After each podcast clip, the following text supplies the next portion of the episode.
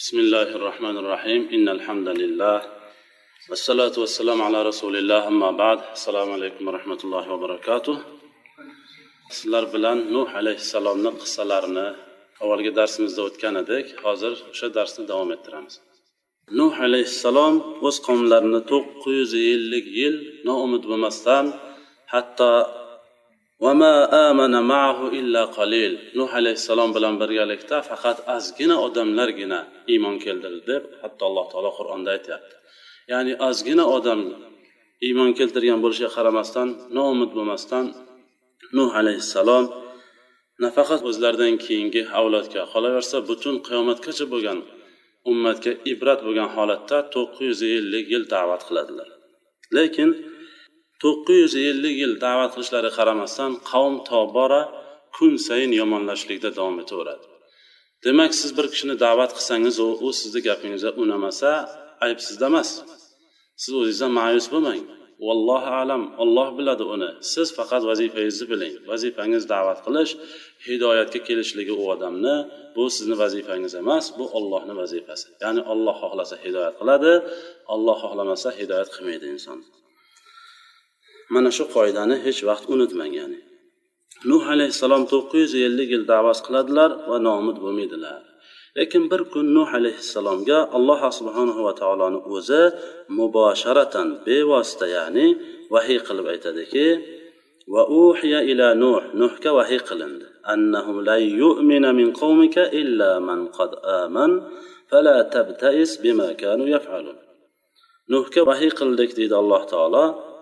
Hargiz ya'ni ikki dunyoda ham qavmingizdan boshqasi shu o'ntadir yigirmatadir saksonta eng eng ozi o'nta ba'zi ulamolarda fikrlariga qaraganda ba'zilar aytadilar saksonta odam xulosa o'ntadir saksontadir. Shundan boshqa hech kim iymon keltirmaydi. Agar yana to'qqiz yuz ellik yil da'vat qilsangiz ham degan. Ya'ni ovora bo'lmang urinmang foydasi yo'q iymon keltirmaydi xolos da'vatni to'xtatsangiz ham bo'ladi degani bu. Shundan keyin nuh alayhissalom da'vatni to'xtatadilar. To'qqiz yuz ellik yildan keyin tamoman da'vat qilmaydilar degan nima qiladilar nuh alayhissalom? Nuh alayhissalom o'zlaricha ya'ni noumid bo'lmadilar.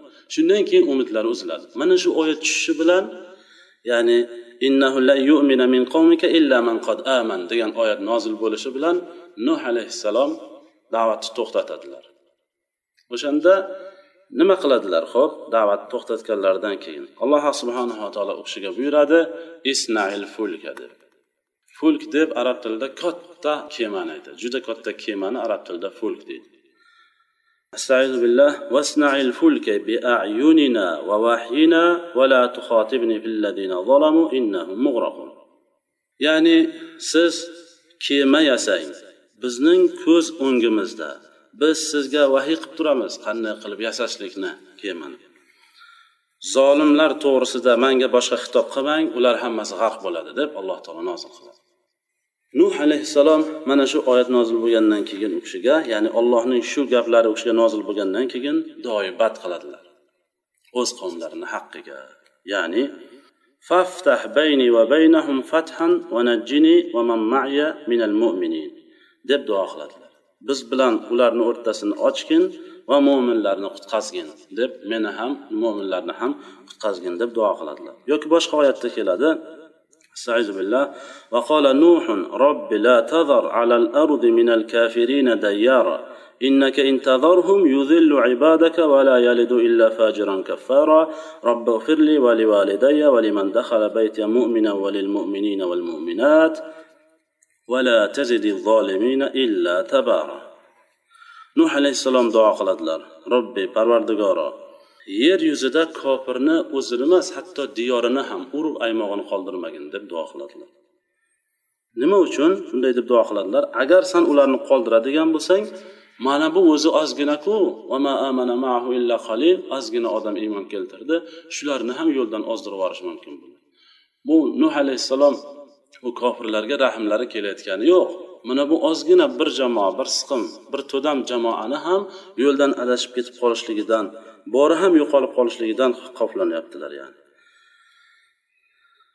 Ular faqat tug'iladigan bulardan keyingi avlod ham kofir va fajjor fajjor deb faol vaznda kelyapti. Ya'ni o'ta ketgan yaramas odamlarni tug'ishadi bular. Shulardan shunaqa farzandlar tug'iladi deb duo qiladilar. Shu uchun ularni hatto diyorni ham qoldirmagin. Mani kechirgin ota onamni kechirgin va mani uyimga mo'min bo'lgan holatda kirgan odamni ham mo'min va mo'minalarning hammasini kechirgin deb duo qiladilar nuh alayhissalom.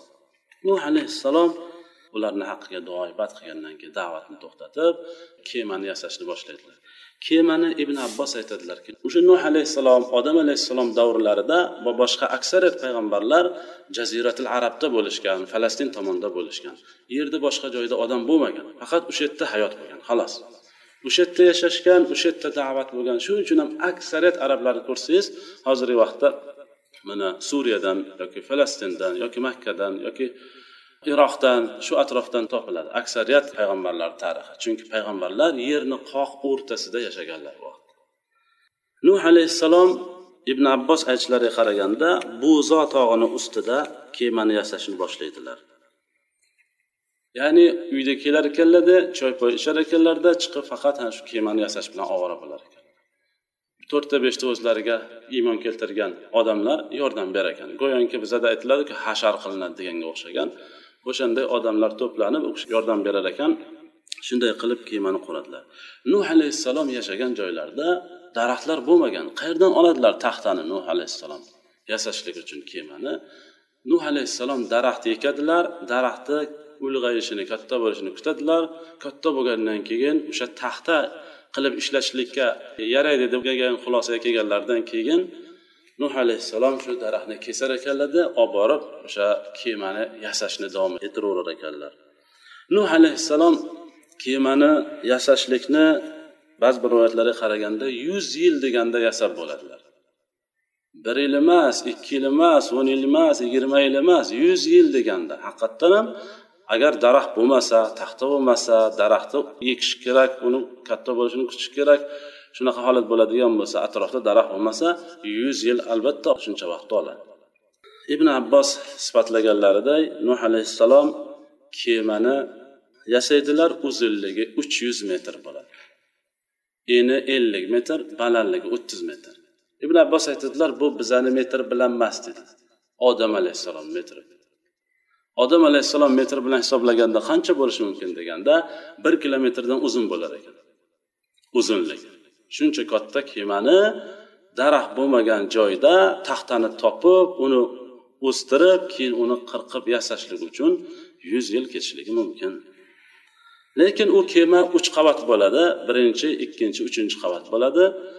Ibn abbos shunday deb sifatlaydilar usti ham yopiq bo'ladi chunki osmondan ham suv keladi. Tagidan ham suv bo'ladi osmondan ham suv keladi. Osmondan kelgan suv ichiga tushmasligi uchun ustini ham xuddi to'pday qilib ustini yopadilar nuh alayhissalom. Lekin nuh alayhissalom duradgor bo'lmaganlar u kishi temirchi bo'lmaganlar qanday qilib nuh alayhissalom kemani yasaydilar? Alloh taolo qur'onda o'zi aytyaptiki biz o'zimiz kuzatib turamiz kemani qanday qilishlik kerak ekanligini va biz senga vahiy qilib turamiz qanday qilib uni kemani yasash kerak ekanligini. Alloh taolo qur'onda aytadiki biz nuhni ko'tardik. Alvoh ustiga va mehlar ustiga. Ya'ni taxtalar va mehlar ustiga ko'tardik. Buni sharhida ulamolar aytadilarki ya'ni meh bilan taxtani qoqasiz shundan keyin fulk ya'ni kema kelib chiqadi. Shuni ustiga ko'tardik. Ya'ni kema nimadan yasalgan edi? Temirdanmi desa yo'q. Kema faqat taxta va taxtani meh bilan qoqib chiqqanlar. Nuh alayhissalom. Jabroil farishta kelib mehni mana bunday qo'qasiz bu taxtani bu yerga joylashtirasiz buni bunday qilib yo'nasiz endi muncha bo'lsin uzunligi muncha bo'lsin balandligi muncha bo'lsin tabaqasi uchta bo'lsin deb hammasini jabroil farishtani o'zlari kuzatib boradilar. Lekin qavm hayron bo'ladi. Nuh alayhissalom lom mim demayaptilar. Yuz yil qarib bo'lyapti hech gapirmaydilar nuh alayhissalom. Oxirat haqida gapirmaydilar jannat do'zax haqida gapirmaydilar hech da'vatni umuman to'xtatib qo'yganlar. Bir og'iz ham gapirmaydilar. Hayron bo'lishadi. Nuh da'vatini to'xtatib qo'ydida uni o'rniga kema yasashni boshladi. Ular hayron bo'lishadi. Kelib nuh alayhissalomni malaul qavm avval aytib o'tdik oddiy xalqni boshqaradigan xoh boy bo'lsin xoh mansabdor bo'lsin xoh puldor bo'lsin o'shalar boshqaradigan odamlar ko'proq masxara qilishadi. Alloh taolo qur'onda aytyaptiki astag'izbillah nuh kema yasar edi. وكلما مر عليه ملأ من قومه سخروا منه قال إن تسخروا منا فإنا نسخر منكم كما تسخرون فسوف تعلمون من يأتيه عذاب يخزيه ويحل عليه عذاب مقيم kullama marra alayhi min qawmihi sakhiru minhu qachon nuh alayhissalomni kemalarini yasab turgan paytlarida oldilaridan o'tib qolishsa malavul qavm ular masxara qilishardi. nuh alayhissalom nima derdilar?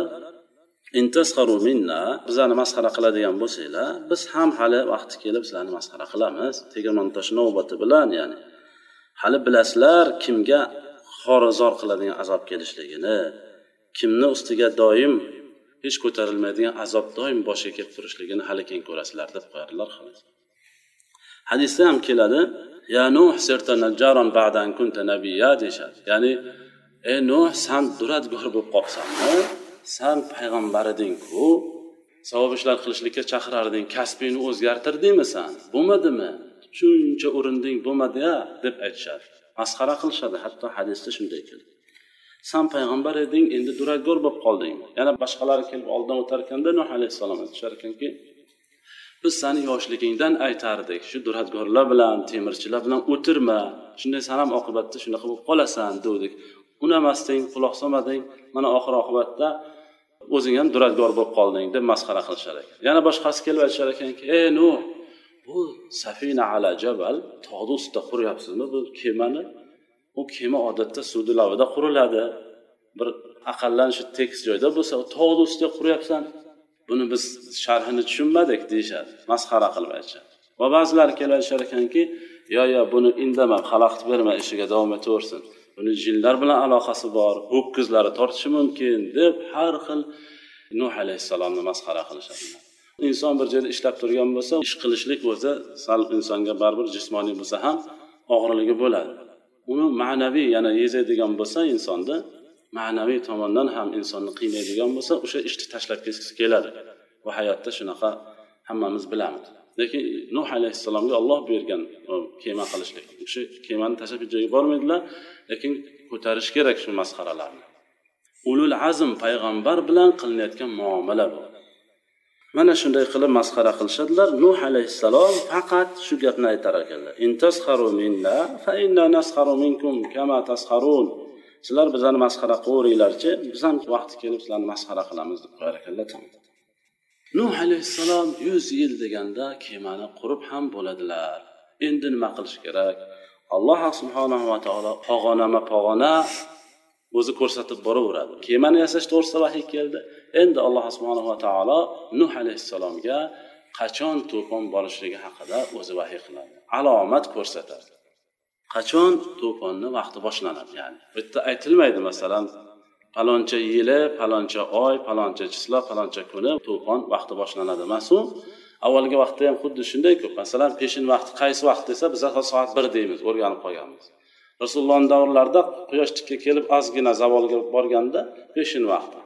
Soyangiz ikki barobardan ziyod bo'lgandan keyin asr vaqti shunday qilib belgilangan. Yoki yajuj va majuj chiqishi ham xuddi shunday. Yajuj va majuj qachon chiqadi desa masalan ikki ming yigirmanchi yil chiqadi deb aytilmagan hadisda. Yoki hijriy oladigan bo'lsak bir ming olti yuz bir ming yetti yuzinchi yil chiqadi deb aytilmagan. U qanday aytilgan desa vaqt belgilangan unda ham. Zulqarnayn qurib ketgan devor yiqilishi bilan yajuj va majuj chiqadi. Vaqti o'sha yani. to'fon qachon boshlanadi nuh alayhissalom davrida to'fon alloh subhanava taolo qur'onda aytadiki astaizu billah hatta ida ja amruna va farattan nuru قل نحمل فيها من كل زوجين اثنين وأهلك إلا من سبق عليه القول وما آمن معه إلا قليل حتى إذا جاء أمرنا وفارت النور ya'ni alomati nima desa alomati tandirni ichidan suv otilib chiqishligi alomati bo'ladi Nuh alayhissalom o'zi qishloqda yasalgan avvalgi vaqtda. Hozir kvartirada yasaladi. Lekin u vaqtda shu qishloqda yashalgan o'sha qishloqda har bitta insonni xonadonida tandiri bo'ladi. Shundaymi? Nuh alayhissalomni ham tandirlari bor ekan. O'sha alomat shuki suv otilib chiqsa tandirni ichidan bilingki to'fon vaqti boshlandi tayyorgarlikni ko'ring degani bo'ladi. Nuh alayhissalom subhanalloh bir kun shu kemani sozlab bo'lib qurib bo'lib atroflardan xabar olib ya'ni kamchiligi bormi yo'qmi tushib kelaversalar uyga kelsalar tandirni ichidan subhanalloh suv chiqyapti. Darhol sezadilarki bu o'shani alomati. To'fon vaqti boshlandi tayyorgarlikni ko'rish kerak. Nima tayyorgarlik ko'rish kerak? Alloh taolo qur'onda o'zi aytyapti. Har bitta maxluqotlardan juft naru modasini olasiz. O'zingizni oilangizni olasiz va mo'minlarni olasiz. Mana shu uchta narsa. Butun jonzotdan naru moda qilib bir juft olasiz mo'minlarni olasiz oilangizni olasiz kemaga chiqasiz. Deb shu ishlarni qilishlik kerak ya'ni nuh alayhissalom. Keladilar qaraydilar tandirni ichidan suv otilib chiqyapti darhol tayyorgarlik ko'rib boshlaydilar. Kerakli narsalarni olib yig'ishtirib shu toqqa qarab chiqib ketadilar. Ya'ni o'z oilalari va mo'minlardan tashqari hayvonlarni ham olish kerak ularni joylashtirish kerak. Hammaga e'lon qiladilar aytadilarki kemaga chiqamiz. Vaqti kelibdi to'fonni vaqti mo'minlarga ya'ni e'lon qiladilar. Hamma tayyorgarlik ko'rib boshlaydi. Nuh alayhissalom o'zlari kema tomon qarab ketadi. Lekin o'zlari ham hayron qanday qilib masalan jamlash kerak. Buncha yer yuzidagi butun hayvonlarni qanday jamlaydilar nuh alayhissalom? Kemani oldiga borsalar subhanalloh hammasi kutib turibdi nuh alayhissalom. Dunyoni hamma tomonidan hayvon bo'lsin qumursqa bo'lsin parranda bo'lsin hammasi kelib nuh alayhissalom kemani eshigini ochishliklarini kutib turgan ekan. Kelib qarasalar hamma saf saf qarab turibdi. Nuh alayhissalom hayvonlar parrandalarni orasidan o'tib kema tomonga boradilar eshikni ochadilar. Bitta bitta joylashtiradilar hammasini. Shu vaqt yomg'ir ham tomchilab boshlaydi. Nuh alayhissalom birinchi qavatiga ikkinchi qavatga uchinchi qavatiga hayvonu parrandalarni ham joylashdi. Hatto parrandani ham. Faqat suvni ichida yashaydigan hayvonlar emas. Baliqlaru kitlaru boshqa shunga o'xshagan suvni ichida yashashga qobiliyati bo'lgan hayvonlarni emas shu quruqlikda yashaydigan hayvonlar va parrandalarni hammasini joylashtiradilar ichkariga ana shunda yomg'ir qattiqlashishni boshlaydi. Qattiqlashib chelak bilan quyganday qilib boshlanib ketadi. Alloh taolo qur'onda aytadiki ففتحنا أبواب السماء بماء منهمر وفجرنا الأرض عيونا. فالتقى الماء على أمر قد قدر. يعني بس أصمان إيشي لارن أشبه دي مو أدي سوه ميدا حتى أصمان غالور دي بلقالا تجلب قالا يردن بلوخ لارن چقار فالتقى الماء على أمر قد قدر. أنا osmondan keladigan suv bilan yerdan chiqadigan buloqlar bir biriga to'qnashadi deydi o'zingiz tasavvur qilavering endi qanday bo'lishligini hamma yoqda suv bosishni boshlaydi. O't o'lanlar tog' toshlar daraxtlar uylar qishloqlar shaharlar hammasini suv bosadi. Suv bosib keyin kofirlar ham tayyorgarligini ko'radi. Qaraydi bu haqiqat. Hamma yoqda suv bosyapti toqqa qarab qochadi. Shu tog'ni yaqinida yashaganlar. Hamma toqqa qarab qochadi. Shu jumladan nuh alayhissalomni o'g'illari ham kanon ya'ni ismi u ham toqqa qarab qochadi. Kemaga kirmaydi. Kofirlar bilan birga yurgan o'shalar bilan ham tovoq bo'lgan shuning uchun qaqib qochsa ular o'sha qarab o'g'il ham qochadi. Ana suv ko'tarilib hatto toqqa yetib borgandan keyin kemani ham tagiga kirib suv kemani ham asta ko'tarishni boshlaydi. Kema qo'zg'aladi joyida. nuh alayhissalom o'shanda o'g'illarini ko'radilarki o'g'illari kofirlar bilan birgalikda ketib boryapti o'g'illarini chaqiradilar vanada nuhun ibnahu nuh alayhissalom o'z o'g'illarini chaqirdi وكان في معزل يا بني اركب معنا ولا تكن مع الكافرين o bolaginam ke kela qolgin biza bilan kemaga o'tira qolgin kofirlar bilan birgalikda bo'lmagin desa nuh alayhissalom o'g'illari qola سآوي إلى جبل يعصمني من الماء قال لا عاصم اليوم من أمر الله إلا من رحم وحال بينهما الموج فكان من المغرقين o'g'il aytadiki mana shu oldimda turgan tog'ni ustiga chiqib olaman shu yerdan boshpana topaman deydi nuh alayhissalomga shu mani suvdan qutqazib qoladi deydi nuh alayhissalom aytadilarki bugun ollohni buyrug'idan hech kim qochib qutulolmaydi Faqat kimga rahmi kelgan bo'lsa shu qochib qutuladi dedilar shu vaqt o'rtalarida katta bir to'lqin keladida o'g'ilni yutib yuboradi u ham g'arq bo'lib ketadi. Nuh alayhissalom o'g'illari ham katta to'lqin kelib urib nuh alayhissalom o'g'illarini uchirib olib ketadida ya'ni. Bu alloh taolo suvni to'lqinigi haqida qur'onda aytadiki o'sha kemani aytadi alloh taolo kema suvni ustida suzishni boshladi dedi. Shunaqa suvki deydi. Uni to'lqini tog' bo'lib ketardi deydi alloh bir to'lqini bo'ladiku bunday to'lqin bo'lib keladi o'sha tog'ga o'xshab ketardi deydi alloh taolo. Tog' ham har xil bo'ladi necha metrlik tog' bo'lib ketadi? Ming metrgacha bo'ladi tog'lar shundaymi? Alloh taolo aytadiki xuddi tog'ga o'xshagan to'lqini bor edi u suvni o'zi. Suvni o'zi endi qanaqaligini siz shundan tasavvur qilib olaverasiz. Ana nuh alayhissalom o'z oilalarini oladilar hayvonlarni oladilar va tepaga suvni ustiga ko'tariladilar. Yomg'ir yog'ishi tinmaydi yerdan buloqlar chiqishligi tinmaydi. Suv ko'tarilib ko'tarilib hatto ulamolar aytadilar dunyodagi eng balandchoqqa jamolin machoq qismi shundan o'n besh metr tepaga ko'tarilar ekan. O'zi yashaydigan odamlar faqat jazirada o'sha yerda bo'lyapti voqea. Lekin butun yer kurrasini suv oladi. Hatto o'sha o'n besh metr ba'zilar ko'proq ham deydilar o'shanaqa balandlikda ko'tariladi. Hech kimga joy qolmaydi. Hatto qushni ham bir ikki soat uchib turib bir tepalikka borib qo'nishlikka ham imkoniyat qo'yib qolinmaydi. Buni tasdig'ini bu dinni unamagan ulamolar ham tan olib turishibdi.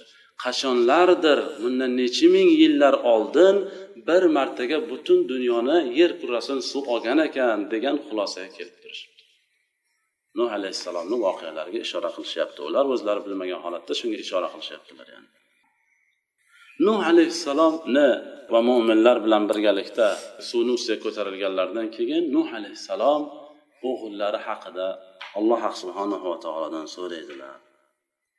Alloh taolo qur'onda nuh alayhissalomga vahiy qilib aytganki kim g'arq bo'ldimi u to'g'risida manga xitob qilma degan. Kim bo'ladi? Xoh u sizni xolangiz bo'lsin xoh ammangiz bo'lsin xoh jiyaningiz bo'lsin xoh amakivachchangiz bo'lsin hatto xoh o'g'lingiz bo'lsin. hatto oilangiz bo'lsin u to'g'risida so'ramagin deb alloh taolo aytgan lekin o'g'il baribir o'g'ildi o'g'il baribir o'g'il ya'ni u jigardi nuh alayhissalom so'rab qo'yadilar billah qur'onda nuh alayhissalom ayollari haqida aytiladiki zoroballohu masalan lillazina kafaru imra'ata nuh va imra'ata lut كانتا تحت عبدين من عبادنا صالحين فخانتاهما فلم يغني عنهما من الله شيئا وقيل ادخلا النار مع الداخلين nuh alayhissalomni ayollari kofiralardan bo'lgan va lut alayhissalomni ayollari ham lekin min ibadina solihayn. Solih bizni bandalarimizni qo'l ostida bo'lgan shuni oilasi bo'lgan. Ya'ni nuh va lut alayhissalom solih kishilar payg'ambarlar u kishilar. Shu kishilarni qo'l ostida bo'lishiga qaramasdan lut va nuhni ayollari bu ikkovlariga xiyonat qilishgan. Payg'ambarni xotini bo'lishligi ularga hech vaqt foyda bermagan. Ular do'zaxlardan bo'lib ketishgan. Nuh alayhissalomni oilalari xotinlari ya'ni va lut alayhissalomni xotinlari ham. Ya'ni bu yerda xiyonat huma to'g'risida gaplar bor. Masalan qanday xiyonat qilishgan? Zino qilishganmi? Nima qilishgan deganda ulamolar aytadilar yo'q zino qilmagan. Xiyonat ya'ni iymon keltirmagan. Lekin ba'zi ulamolar aytadiki zino qilishgan deyishadi. Bu gapni aksariyat jumhur ulamolar aytadilarki bu noto'g'ri o'sha hatto ahli ilmlardan sodir bo'lgan noto'g'ri gap chunki payg'ambarlarni ayoli hech vaqt zino qilishligi mumkin emas. Bu joiz bo'lmagan narsa bu aqidaga zid narsa ya'ni. Nuh alayhissalomni oilasi agar zoniya bo'lganda qavm malomat qilmasmidi? Nuh alayhissalom avval xotiningni yig'ishtirib oldi emasmidi? Fohisha ish bilan shug'ullanib yuribdi. San buyoqda payg'ambarlik davo qilasan avval xotiningni yig'ishtirib ol degan bo'lardi. Buku mayli undan ko'ra kichkinaroq bir ayb topishsa undan fil yasashardi. Bu katta tayyor filday qilib yasalib turgan bir aybku bu oddiy bir payg'ambarga emas oddiy bir mo'min odamga namozxon odamga agar shunday deb aytilsa qanday qattiq tegadi? Lekin bu ba'zi bir ahli ilmlardan sodir bo'lgan xato hisoblanadi. Fahonatahuma xiyonat qilishganligini sababi nima desa unashmagan iymon keltirishmagan.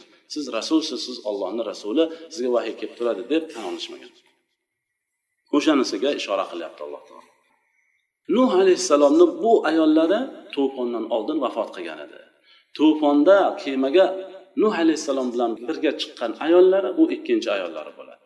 Mo'mina ayol shuning uchun alloh taolo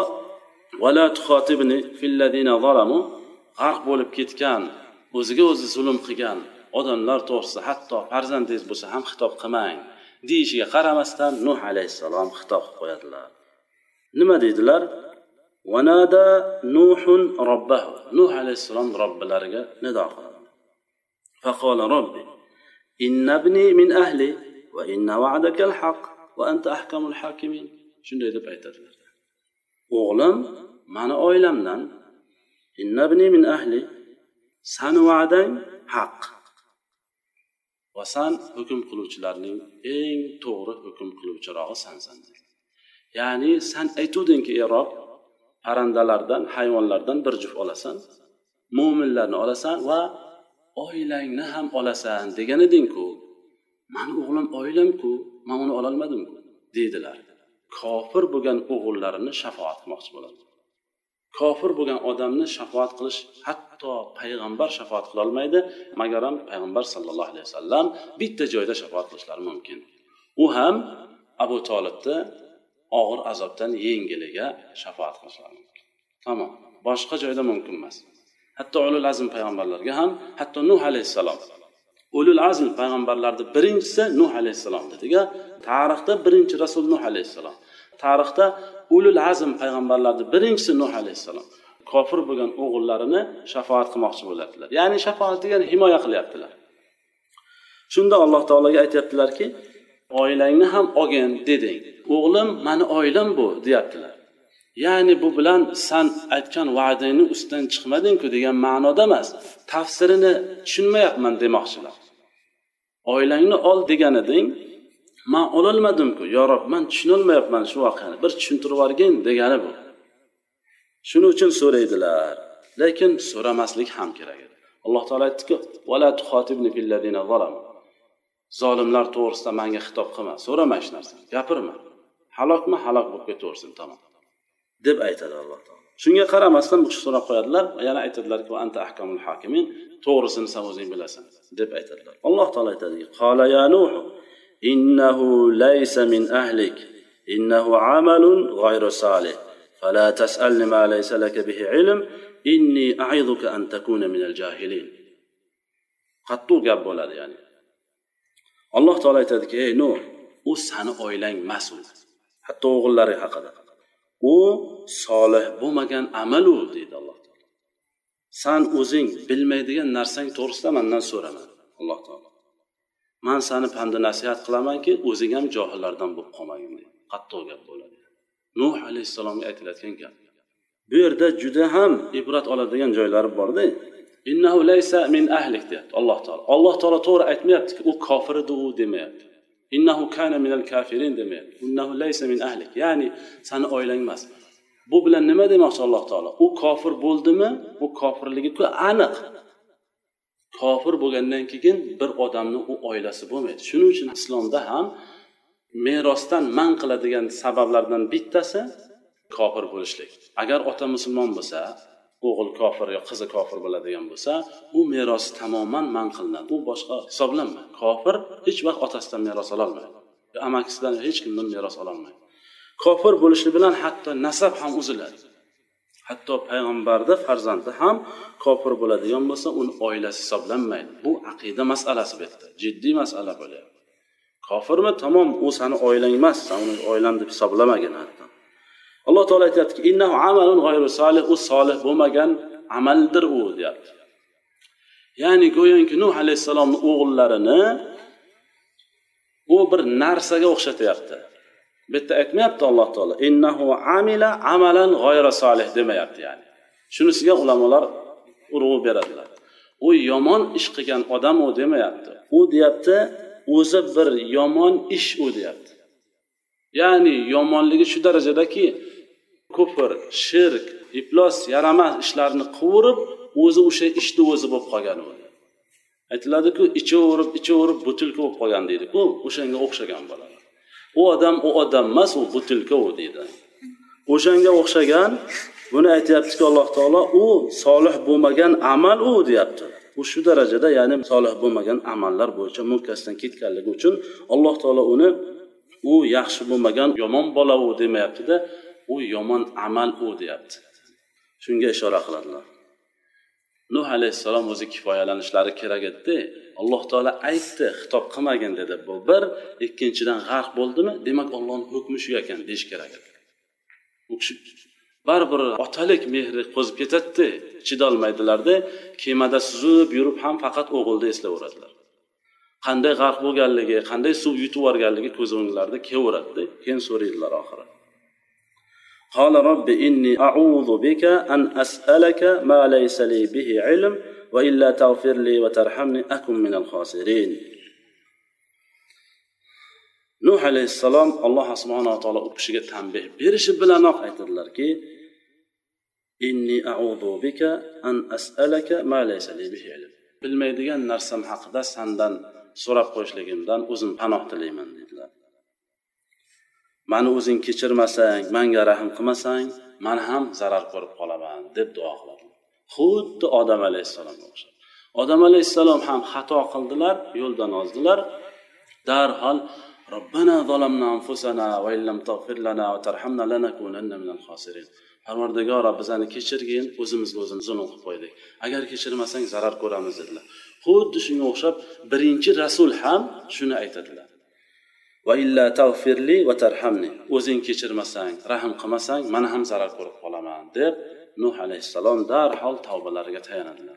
Ya'ni aytmaydilar qanday u mani o'g'lim emas u mani farzandimku mani oilamdanku man uni boqdim katta qildim uni yedirdim ichirdimki hech narsa demaydilar. Xolos sani oilang emas tamom mani oilam bo'lmasa bo'pti mayli bo'lmay qo'ya qolsin deb duo man xato qilib qo'ydim san uni g'arq qilishing bilan o'zim kifoyalanib shuni tushunib qo'ya qolmadim shuning uchun mani kechirgin dedi. Faqat tafsirini so'radim xolos dedi. Nuh alayhissalom. Nuh alayhissalom kemada suvni ustida olti oy qolib ketadi. Olti oy yer kurrasini suv ushlab turadi. Hech qanaqa daraxt yo'q faqat tekislik hech qanaqa tog'u tosh hech narsa ko'rinmaydi olti oy shunday turadi. Olti oydan keyin tarixda kelgan ba'zi bir joylarda aytadilar nuh alayhissalom kabutarni jo'natadilar. Kabutar uchib borib bir qaytib keladi hech narsa yo'q. Qayerdadir daraxt paraxt ko'ringandir ya'ni. Yana bir uchirib yuboradilar borib bitta zaytunni shoxchasini olib keladi deydilar ular. Zaytunni shoxchasi bilan keladi ha daraxtlar ko'rinib boshlabdi degan xulosa aytiladi yana bir uchirib jo'natsalar oyog'i loy bo'lib qaytib keladi deydilar.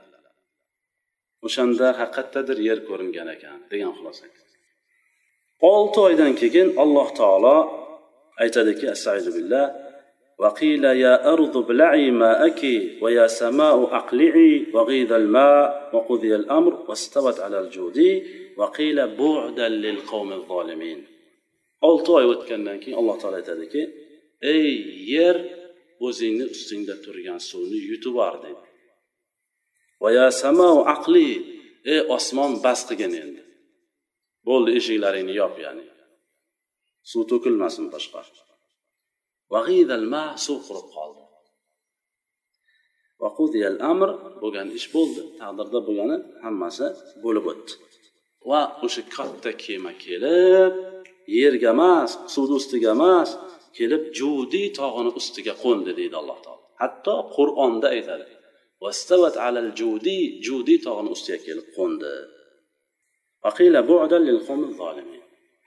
zolim qavmlarga halokat bo'lsin qirilsin o'lsin yo'q bo'lsin deb alloh taolo aytadi. Bu yerda alloh taolo oyatda keltirmayaptiki qaysi tog'ni ustida nuh alayhissalom qurganliklarini lekin kelib qaysi tog'ni ustiga qo'nganligi haqida hatto hadisda emas oyatda bor. Alal judiy judiy tog'ini ustiga kelib qo'ndi. Judiy tog'i turkiya bilan iroq orasida ekan. O'sha yerda joylashgan tog' o'sha yerga kelib qo'nadi ya'ni. Kelib qo'ngandan keyin nuh alayhissalom yana yer kurrasiga tushadilar qaytib olti oydan keyin قيل يا نوح اهبط بسلام منا وبركات عليك وعلى أمم ممن معك وأمم سنمتعهم ثم يمسهم منا عذاب أليم ya'ni aytildi ey nuh tushing tinchlik bilan omonlik bilan ya'ni va sizga va siz bilan birga bo'lgan barcha ummatlarga barakotlar bo'lsin deydi nuh alayhissalom kemadan tushadilar judi tog'ida. Alloh taolo aytadiki boshqa bir oyatda keladiki biz shu nuhning kemasini hujjat qilib shu voqea bo'lganligi tarixda nuh alayhissalom bo'lib o'tganligi u kishi haqqa da'vat qilganliklariga hujjat bo'lishligi uchun biz buni qoldirdik keyingi ummatlarga. Eslatma ibrat oluvchilar bormi deydi alloh taolo. Ya'ni shu kemani hozir shuni topishgan buni hamma bilsa kerak allohu alam topishsa ikkiga bo'linib qolgan ekan taxtalari chirib qolganligini hozir isbotlab turishibdi dinga unamagan ulamolarni o'zi. Endi alloh taolo bu yerda qiyomatgacha ba'zi bir voqealarni hatto aqliy dalil bilan ham isbotlab qo'yadi. Shar'iy dalil yetmagan odamga unga shar'iy ya'ni qur'ondan hadisdan gap gapirsangiz unamaydigan odamlarga aqliy hujjatni ham mana shunday qilib keltirib qo'yadi. Biz buni keyingi ummatga qoldirdik eslatma ibrat olishliklari uchun. Yana boshqa bir oyatda keltirilyapti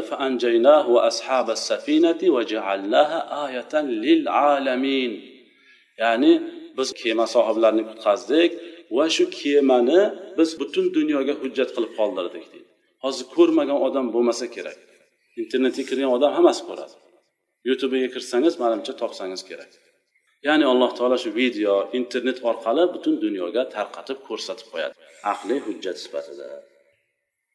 Ana nuh alayhissalom kemadan tushganlaridan keyin yana uch yuz ellik yil yashaydilar. to'qqiz yuz ellik plyus uch yuz ellik bir ming uch yuz bo'ladimi? Bir ming uch yuz yil nuh alayhissalom yashaydilar. Sanada zaif hadis kelishligiga qaraganda nuh alayhissalom faqat ro'za bilan hayotlarini o'tkazadilar. Faqat it kunlari ro'za tutmaydilar. Boshqa kuni faqat allohga shukur bildirgan holatda hayotlarini ro'za bilan o'tkazadilar. Alloh taolo e, buni qur'onda aytadiki innahu kana abdan shakura judayam shukur qiladigan faul vaznga keladigan har bitta sifat judayam o'ta bir narsada mashhur ekanligini shunga qattiq berilgan odam ekanligiga ishora qilish uchun faul vaznga keladi arab tilida. Innahu kana abdan shakura judayam shukur qiladigan odam edi deb aytadi alloh taolo. Faqat nuh alayhissalomni zurriyotlaridan hamma tarqaydi keyin bunga hujjat alloh taolo aytadiki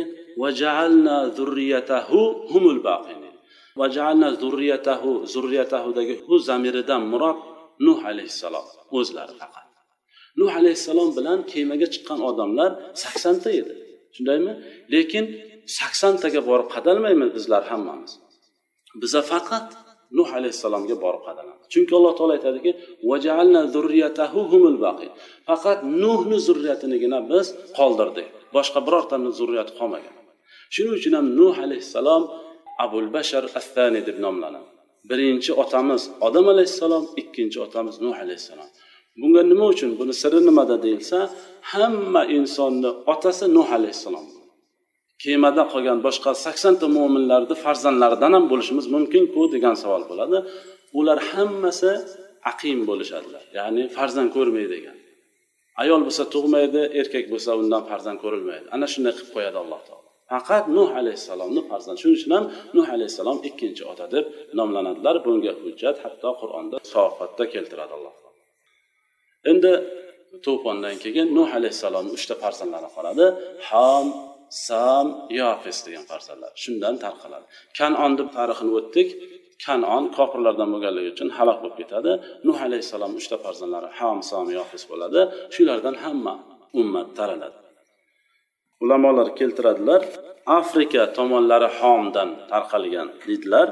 Somdan arablar yahudlar forslar tarqaladi. Yofisdan turklar va yajuj va majuj yofisdan bo'ladi. Nuh alayhissalom o'g'illariga shirkdan va kufrdan va kibrdan chetlanishlikka vasiyat qiladilar mana shu shirk kufr va kibr bu narsalar ya'ni kibr shirk bilan kufrga olib boradi. Kufr bilan shirk qarang butun dunyoni hatto suv bosishligiga ham olib borib qo'yishligi mumkin ekan. Kibr shunday yomon narsaki hatto payg'ambar ham shafoat qilolmas ekan qiyomatda. Shuning uchun shundan ogohlantiradilar. Nuh alayhissalom uch yuz ellik yildan keyin vafot etadilar va u kishini qabrlari ba'zi bir ulamolar aytishlariga qaraganda makkada ba'zilar karkul biqo degan joyda lubnonda topiladi der ekanlar. Nuh alayhissalom hayotlarida shuncha yashab ya'ni bir ming uch yuz yil yashab shu bir marta osiy bo'lib qolganlar. Boshqa hech vaqt osiylik qilmaganlar alloh subhana taologa. Unda ham darhol alloh aytishi bilan tavba qilganlar. Boshqa odam alayhissalom ham hayotlarida bir marta xato qilib unga tavba qilgandilar alloh kechirgan edi. Nuh alayhissalomga ham xuddi shunday holat bo'ladi. Boshqa hayotlarda bir ming uch yuz yil faqat ibodatda va taqvoda o'tadi. Da'vatda o'tadi to'qqiz yuz ellik yil nuh alayhissalomdan keyin alloh subhanava taolo arablardan bo'lgan birinchi payg'ambar ya'ni rasul to'g'rirog'i bo'lmish hud alayhissalomni rasul qilib jo'natadi. Hud alayhissalom to'g'ridagi darsimiz inshaalloh davom ettiramiz keyingi darsda. Subhanakallohumma bihamdik ashhadu an la ilaha illa anta astag'firuka va atubu ilayk. Assalomu alaykum va rahmatullohi va barakatuh.